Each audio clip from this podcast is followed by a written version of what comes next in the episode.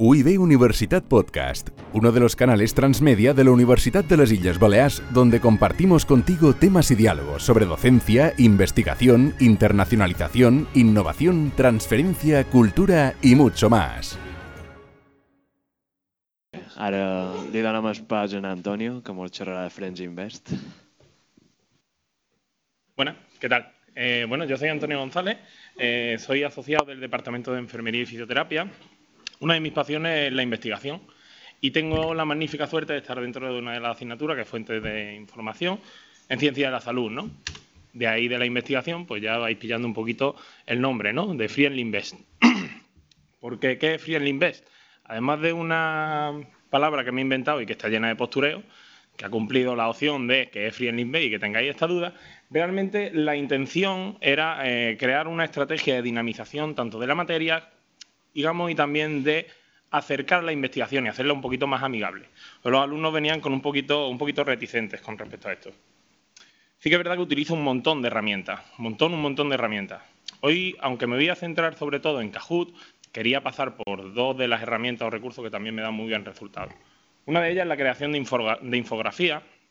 Ayer ya se habló bastante de acercarnos a estos lenguajes, acercarnos a este, a este tipo de alumnos, inclusive tantear esta cultura pop o estos mainstream que, hay. Y una de las maneras más gráficas, por supuesto, son las infografías. Son muy fáciles de hacer. A mí me ayudan muchísimo pues como una infografía clara, que sea muy decorativa, con conceptos muy claros, claro, está siempre relacionados con, con investigación. Inclusive me ayudan en mis presentaciones, inclusive me ayudan a meter chistecitos, porque si se pueden hacer chistes con investigación, aunque sean malos, este chiste es muy malo, ya lo sé, pero ya os digo que por lo menos este año a todos los alumnos que he compartido en la clase, si alguno le pregunta qué es un DOI, te van a saber decir que un DOI no es una tontería, sino que es un Digital Object Identifier. Porque por muy malo que sea el chiste, y mientras más malo es, los conceptos se les quedan grabados, ¿vale? Y mira que yo intento hacer los chistes muy malos. Luego soy mucho más graciosete, ¿eh? También podemos limitar un poquito, podemos ir un poquito más al límite dentro de las infografías y meter un poquito más de contenido, más conceptos. Inclusive podemos reventar lo que es una, infografía y cargarlas de conceptos, hasta tal punto de que la misma infografía sea una herramienta, una herramienta, por ejemplo, de corregirnos una referencia bibliográfica, tanto Vancouver como APA, etcétera, etcétera. Estáis viendo que continuamente hay QRs por ahí y ahora después voy a explicar también cómo relaciono los QR. Otro ejemplo también de infografía, y ya no es una infografía, sino es mantener este estilo y darle esta estética es, por ejemplo, cuando yo le doy un report a los alumnos, y este, por ejemplo, es del cuestionario online, pues bueno, si se lo mando en correo ya sabemos que la, que la mayoría de las veces no lo van a leer. Pero bueno, si se lo mando en correo y se lo mando en PDF, pues la curiosidad mató al gato. Abren el PDF y aunque sea, pues encuentran un poquito, algo un poquito más agradable a la vista y luego al fin y al cabo pues se los van pasando por WhatsApp, etcétera, etcétera. Si consigo reunir los conceptos más complejos dentro del cuestionario online y lo resumo muy por encima, pues bueno, pues eso que me llevo, ¿no? Esto, claro, está, este acercamiento gráfico, este acercamiento de estilo, también nos ayuda, porque imaginaos que esto es un anzuelo y necesito un cordel o necesito una caña. Para esto utilizo, o a mí me funcionan muy bien los QR. A la hora de utilizar los QR sí que hay cierta resistencia también, ¿no? Tanto de utilizarlo como de consumirlo. Os pongo en mi situación. El inicio de las clases mías yo siempre intento que empiecen con música, igual que, igual que ella, pero que empiecen con música y potente. ¿no? Y además intento que sea música también que les guste a ellos. Voy desde Led Zeppelin hasta Antonia Font. ¿vale?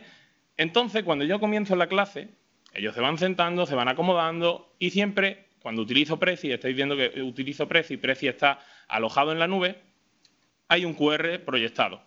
De manera que ellos ya saben que si escanean este QR, van a tener la misma diapositiva que voy a estar enseñando en su dispositivo móvil o tablet.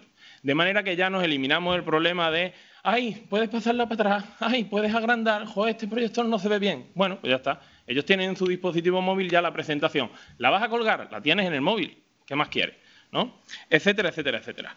Luego, además, Habéis visto la infografía de antes que os he comentado de Batman y Superman. Soy también muy friki, extremadamente friki. Eh, dentro de esta infografía, dentro de este anzuelo, con el código QR tengo la caña y tengo el CEDAL. De tal manera que la enlazo, por ejemplo, a contenido que tengo en la plataforma Moodle, al contenido que tenemos en esa carpeta retirada de contenido complementario, que Moodle es muy chivato y nos dice que nadie lo ve y nadie utiliza esos recursos y se pierden como lágrimas bajo la lluvia.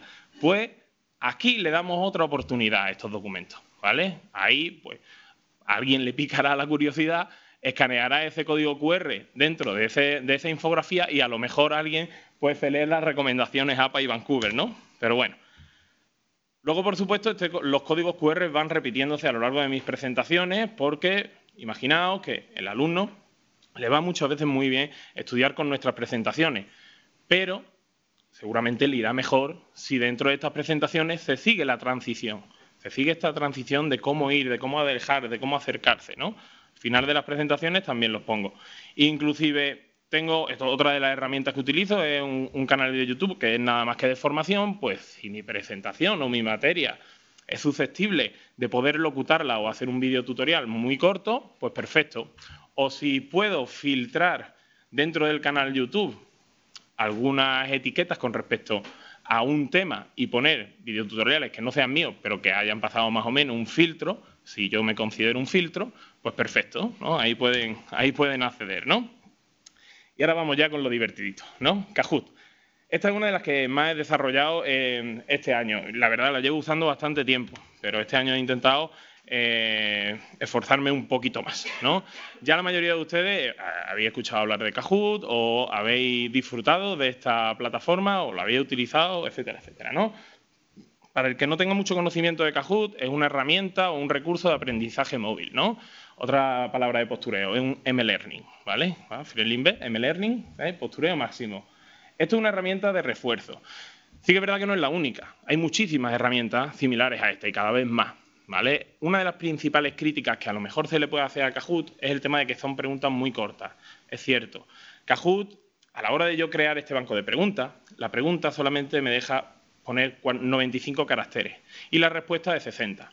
Claro, si vuestro temario o vuestra materia está llena de parafraseados, de, es muy teórica o, bueno, lo mejor no es la herramienta que más se adapta. Os recomendaría a lo mejor Sócrates, ¿vale? Que Sócrates podéis meter toda la parrafada que queráis, o por ejemplo Quizit, que Quizit es menos seria que Sócrates y también puede meter la parrafada, ¿no? A mí personalmente me gusta, me gusta mucho Kahoot, más que nada porque encuentro que también, además de que te da varias opciones, del ah, varias opciones de juego, solamente me voy a centrar en la de quiz, que es, como os he dicho, suelto una pregunta, hay cuatro opciones, ellos eligen con el móvil cada una de estas opciones y entran en un ranking, ¿no? Además de esto, personalmente creo que Kahoot sí que ha conseguido mantener esta estética y hacerla muy, muy, muy, muy agradable y además muy flexible para el docente y para el alumno.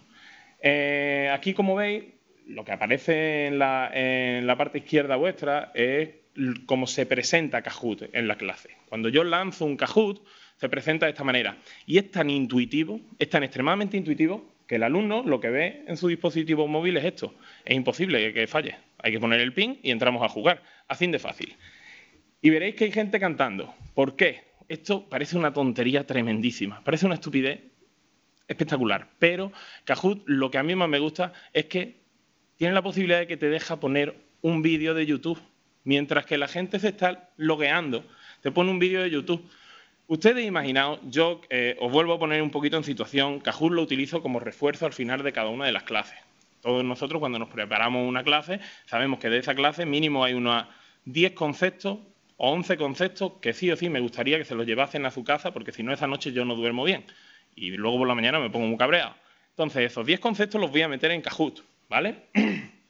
Pero después de una hora y media escuchándome hablar de bibliometría, de gestor bibliográfico, etc, etc, etc. Por más que yo intente dinamizar la clase, por más que intente hacer chistecitos, por más que yo intente vocalizar para que ellos me entiendan todavía mejor, es imposible. Están destrozaditos. De verdad, están los pobrecitos que lo que, lo que menos ganas tienen es de hacer ahora un cuestionario de 10 preguntas. Pero, si de repente aparece un vídeo de un grupo que acaban de escuchar este fin de semana, un grupo que tienen en Spotify a lo mejor el tráiler de una película, una película musical. Queen, sí, Queen, por ejemplo, ¿no? Pues automáticamente tenéis una clase nueva. Se refresca la clase. De repente, algo explota, ellos están escuchando música, están viendo esto, o imaginaos que es una canción que normalmente ponen en la verbena. No sé qué es la verbena San Llorén, tal, tal, tal. Tenéis una clase nueva, comenzáis de cero. Os dura poco, eso sí que es verdad. ¿eh? Más de 10 preguntas no les metáis porque tenéis una clase nueva, pero han subido como la espuma, pero caen en picado, ¿no? Pero tenéis una clase nueva y vamos a comenzar todos el Kahoot super a tope de power, ¿vale? Entonces esto parece una tontería de verdad, pero funciona y funciona mucho. Luego, cuando ellos ya se han logueado, Kahoot también te da varias opciones, ¿no? Eh, podemos hacer la clásica de siempre, que ellos se pongan su nick, y es más fácil de saber cuál es el, usuario que está entrando, o, por ejemplo, lo que yo este año he utilizado más, que es el usuario oculto. El usuario oculto es que yo le digo a Kahoot que le dé tres posibilidades, entren en un ping, y Kahoot es el que le pone el nombre. Nadie sabe quién es nadie. Entonces, eso es súper divertido. ¿Por qué? Primero porque los nombres son muy divertidos y el ranking es muy divertido y a mí me ayuda a poder dinamizar sin tener que localizar mi dinamización en cada uno de los alumnos. Porque hay muchos alumnos que les incomoda hacer foco, que les incomoda tener el foco, o lo que sea. Pero a mí me es más fácil decir, bueno, joder, venga, vamos, Roger Rabbit va primero y el segundo va Batman, va, va, va, va. Es mucho más divertido. Además de esto, bueno, la, la normalmente el pin, el spin de, de los nombres es de esta manera y además de esto tiene otro uso.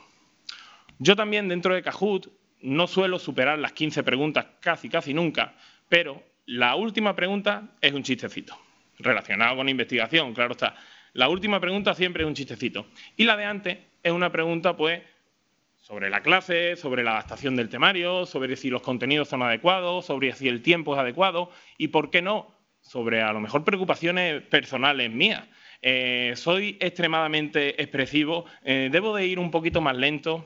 Como nadie sabe quién es nadie, entre comillas son más libres de responder, ¿no? Y el feedback es automático. El feedback de esta clase es automático.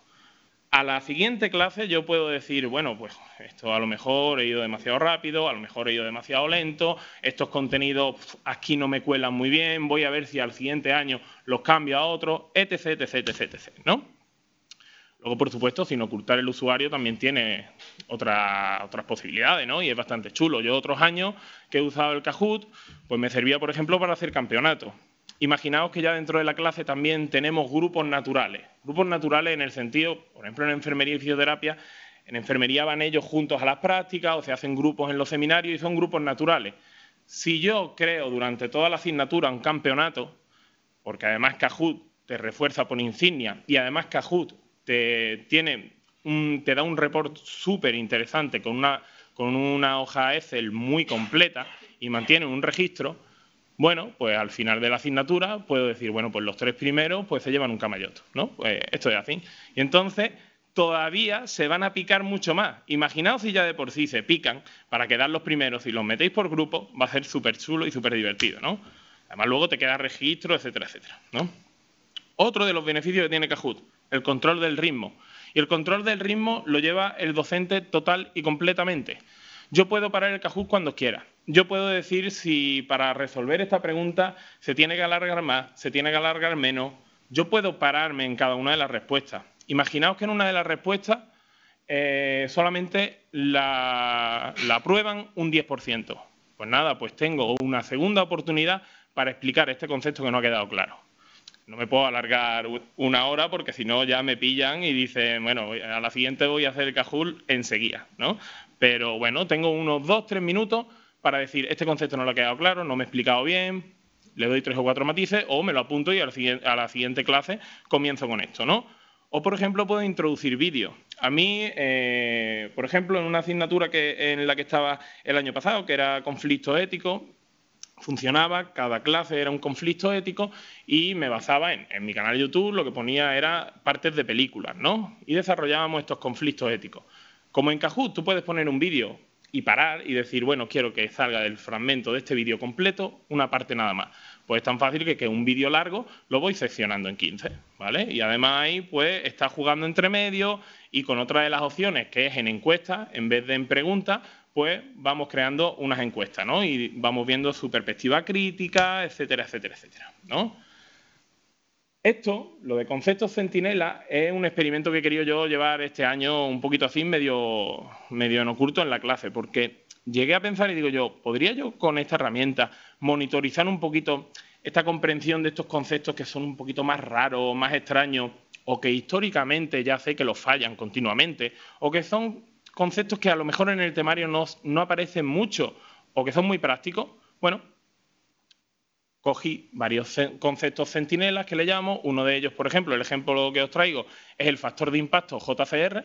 Pues entonces lo que hice fue, vale, como siempre se equivocan con el factor de impacto JCR y como este concepto no está del todo bien extendido, pues voy a meter preguntitas del factor de impacto JCR. ¿Qué hice? En la primera clase les puse la pregunta, la cuestión número 7 de 15 preguntas, y esta misma pregunta solo acertaron un 3,7%, ¿vale? Primero que no se traían el temario leído, pero bueno, es normal. Nunca habían hablado, nunca habían escuchado JCR, ¿no? Entonces, es más, Biblioteca Virtual de la Salud, BVF, me decían que sí el Borussia de Dortmund. Entonces, claro, es normal, ¿no? Interesante, después de la clase en la cual yo hablaba de factor de impacto JCR, pues bien, bueno, pues contento y feliz de que las preguntas relacionadas Claro, esta no era la misma pregunta. Las preguntas relacionadas con el concepto centinela, que yo le llamo concepto centinela, factor de impacto, obtuvo una respuesta acertada del 60%, con una media de tiempo de respuesta de 12 segundos. Bueno, bastante aceptable, creo yo. Estaba bien, me sentía cómodo, pues digo yo, vale, pues estoy cómodo y que creo que por lo menos este concepto se lo han llevado claro. Inclusive con un poquito más de picardía, eh, dije, voy a ponerle alguna chunga, ¿vale? O que lo llaman relativamente claro, voy a ponerle alguna chunga. Y, por ejemplo, le puse la del cálculo de, dicho factor, del factor de impacto. Una pregunta que a priori es bastante compleja, ¿no? De cómo se calcula el factor de impacto JCR, una pregunta que, bueno, que tiene su cosita, ¿no? Bueno, sorpresa de que el 40% la acertó con un tiempo medio del 15%. Esta captura de pantalla es el feedback que luego te da Kahoot, es una captura de parte del, Excel que me proporciona Kahoot. Y ya os digo que es bastante, es bastante interesante, ¿no? Y sobre todo, si utilizaba los factores centinela, el final y lo más importante es si realmente eso luego en el examen ha sido de utilidad o no no solamente utilicé el factor centinela el, de, centinela nada más que el factor de impacto, utilicé varios. Bueno, luego al analizar el cuestionario, como tenemos también la suerte de utilizar las hojas de lectura óptica, nos dan también el porcentaje de acierto de todas nuestras preguntas.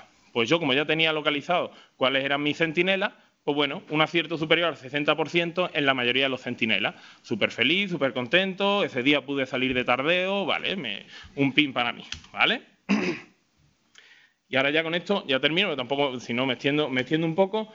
Otra de las cosas que, de verdad es muy útil para, para a la hora de utilizar Kahoot. Yo personalmente, dentro de mi asignatura, una de las partes era bases de datos, ¿no? Y ellos tienen que reconocer o saber utilizar las bases de datos. Pero yo no quiero que sepan nada más que el nombre de la base de datos y su definición.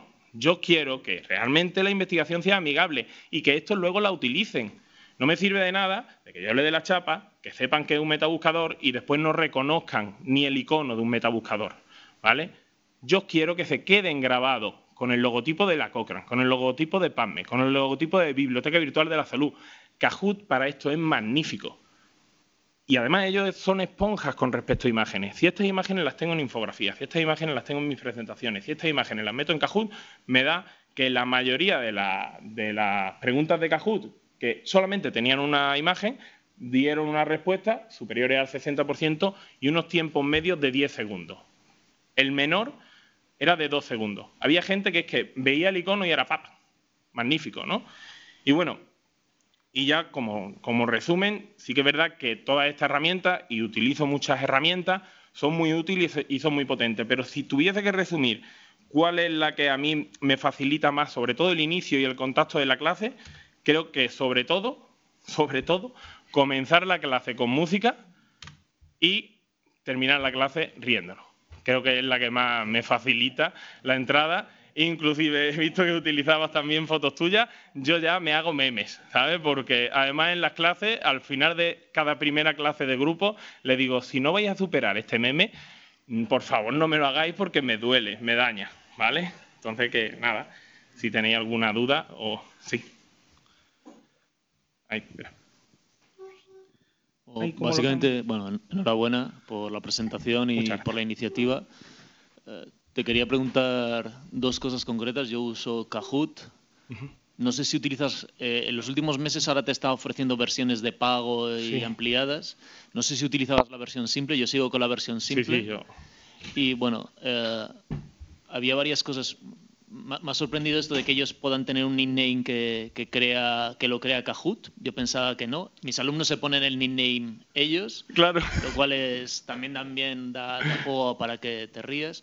Pero una de las cosas que has dicho que también les pones a- al final en el Kahoot que les haces preguntas sobre, eh, como de opinión de cómo ha ido la clase. Hmm. Eh, ¿Kahoot te permite mezclar quiz y survey? Porque, claro, la, la pregunta de qué opinan sobre la clase es más sobre un, es un survey. No. Entonces, claro, si la tienes que meter en el quiz, tienes que dar como una respuesta por defecto que es la correcta. Eh, es, una, es una pena, es una pena, pero no. Que, es- que no se puede mezclar. No, no, no. sé qué. Y, y bueno, eh, era básicamente este, si utilizabas una versión, si habías ido hacia las versiones nuevas que está ofreciendo Kahoot, es que no sé qué... No, no, no, no, no, no, yo con la Yo versión si- sigo con la, yo sigo con la versión simple y bueno, también con lo de las imágenes, yo por ejemplo que hago economía, eh, a mí por ejemplo me ayuda, eh, no, no buscas la, la cosa inmediata, sino más reflexiva. En, en economía que hacemos muchos gráficos, les metes fotos de gráficos y les preguntas qué está aquí representado y te da mucha, mucha ventaja. Yo siempre les... Yo odio la música del Kahoot, esta que sale el ti ti ti ti, Es horrorosa, a mí me pone muy nervioso. y entonces muchas veces desactivo el sonido, pero lo de ponerles un vídeo de música al principio me parece una buena idea mientras van metiendo las. Es que de verdad es que lo remonta y si consigues pillarles el rollo, o sea, eh, de repente les pones Rosalía, pues a quien no le gusta Rosalía, les pones Rosalía y es que se te viene arriba todo el mundo, ¿eh? De verdad. Wow, gracias y. Gracias, gracias a ti. ¿Alguna pregunta más? Moment.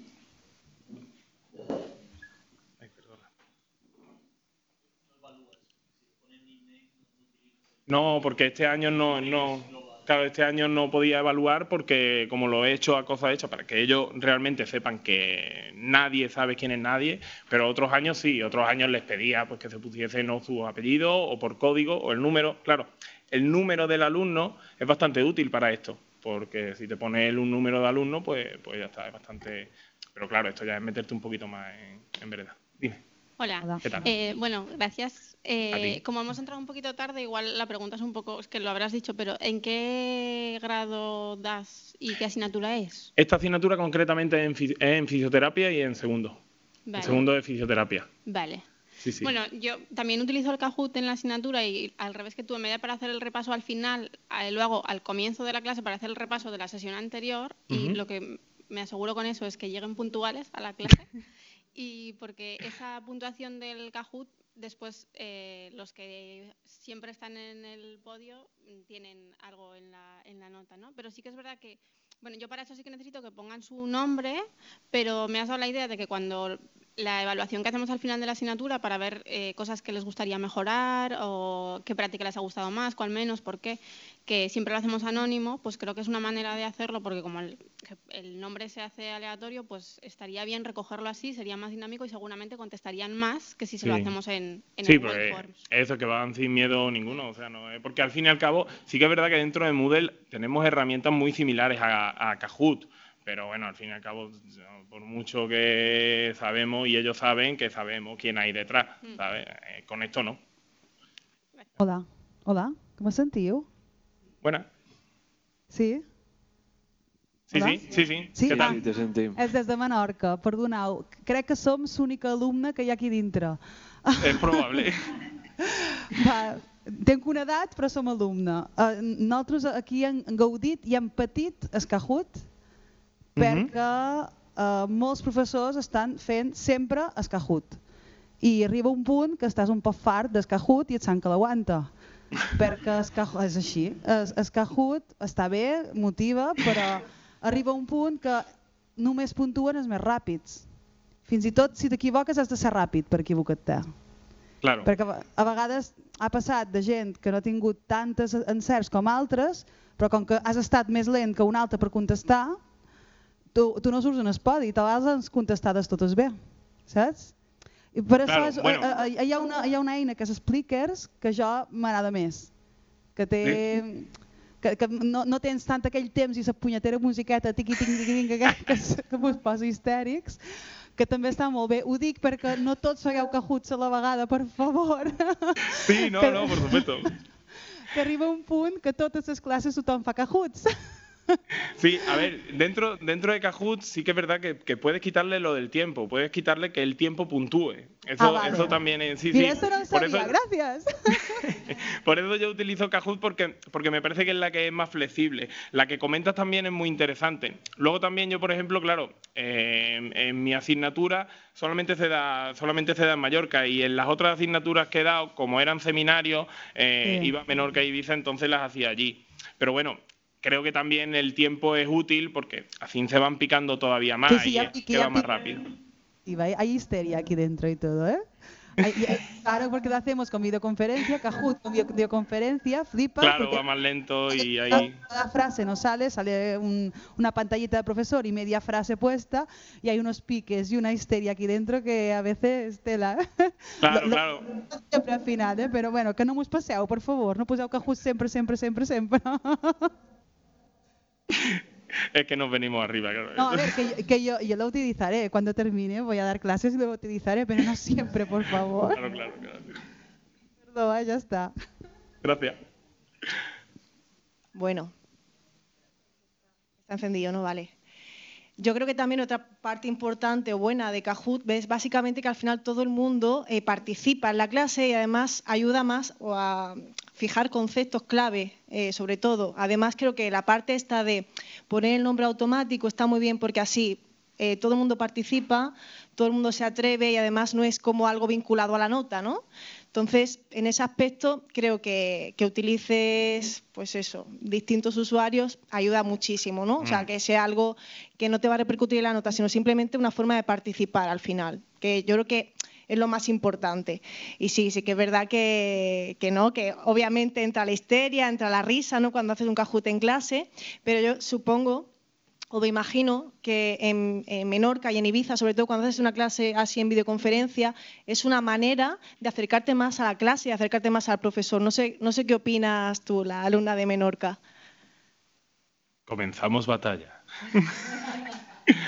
Round one. Fight. Sí, sí, ah, te- tengo la suerte de tener un grupo muy participativo y a veces incluso hablamos más que los de Mallorca que están presen- presenciales. Pero aquí hay, hay- es divertido, ¿eh? porque hay piques, dicen, "Ah, a ver los de Menorca, a ver los de Mallorca, a ver los de Ibiza, y eh, muchas veces lo hacen a propósito para, bueno, para ver como un vínculo así entre las tres sesiones que a veces es difícil. Y, pero no, es divertido, si yo no digo que no sea divertido, pero para poner nota, para evaluar a los alumnos, bueno, hay que. Una cosa es para saber si se han entendido los, los conceptos y más o menos cómo va la clase y está bien, pero puntuar y nada, mm, como puntuar así porque sí, no sé, es, es entre- no sé, lo cogerían con pinzas. Para dar un medio punto extra, vale, sí, pero no, no para, para no poder obtener la nota de 10, ¿sabes? Y desde luego yo, por ejemplo, este año lo he utilizado por primera vez en clase y como éramos muchísimos y también pasa esto que es una herramienta nueva, nosotros no hemos puntuado. Únicamente lo hemos tenido en cuenta, o sea, es una forma de reforzar conocimientos Sí. y ya, o sea, una forma de motivar. Entonces, entiendo lo que dices, es verdad. Además, cuando es una clase que está llena de gente o si estás lejos y encima no ves la respuesta, ¿no? Sí, no, y además es que lo típico, yo, yo, yo he pulsado el amarillo y- o el, el rojo y no me ha salido y yo quería el otro y no sé qué. Aquí hay piques, pero piques grandes, ¿eh? Pero bueno, sí, está bien. Eh, tiene pros y contras, como todo. Y Perdón, ¿eh? No, no, perdona, ha sido un placer. Bueno, ya está. Sí. Sí. Muchas gracias.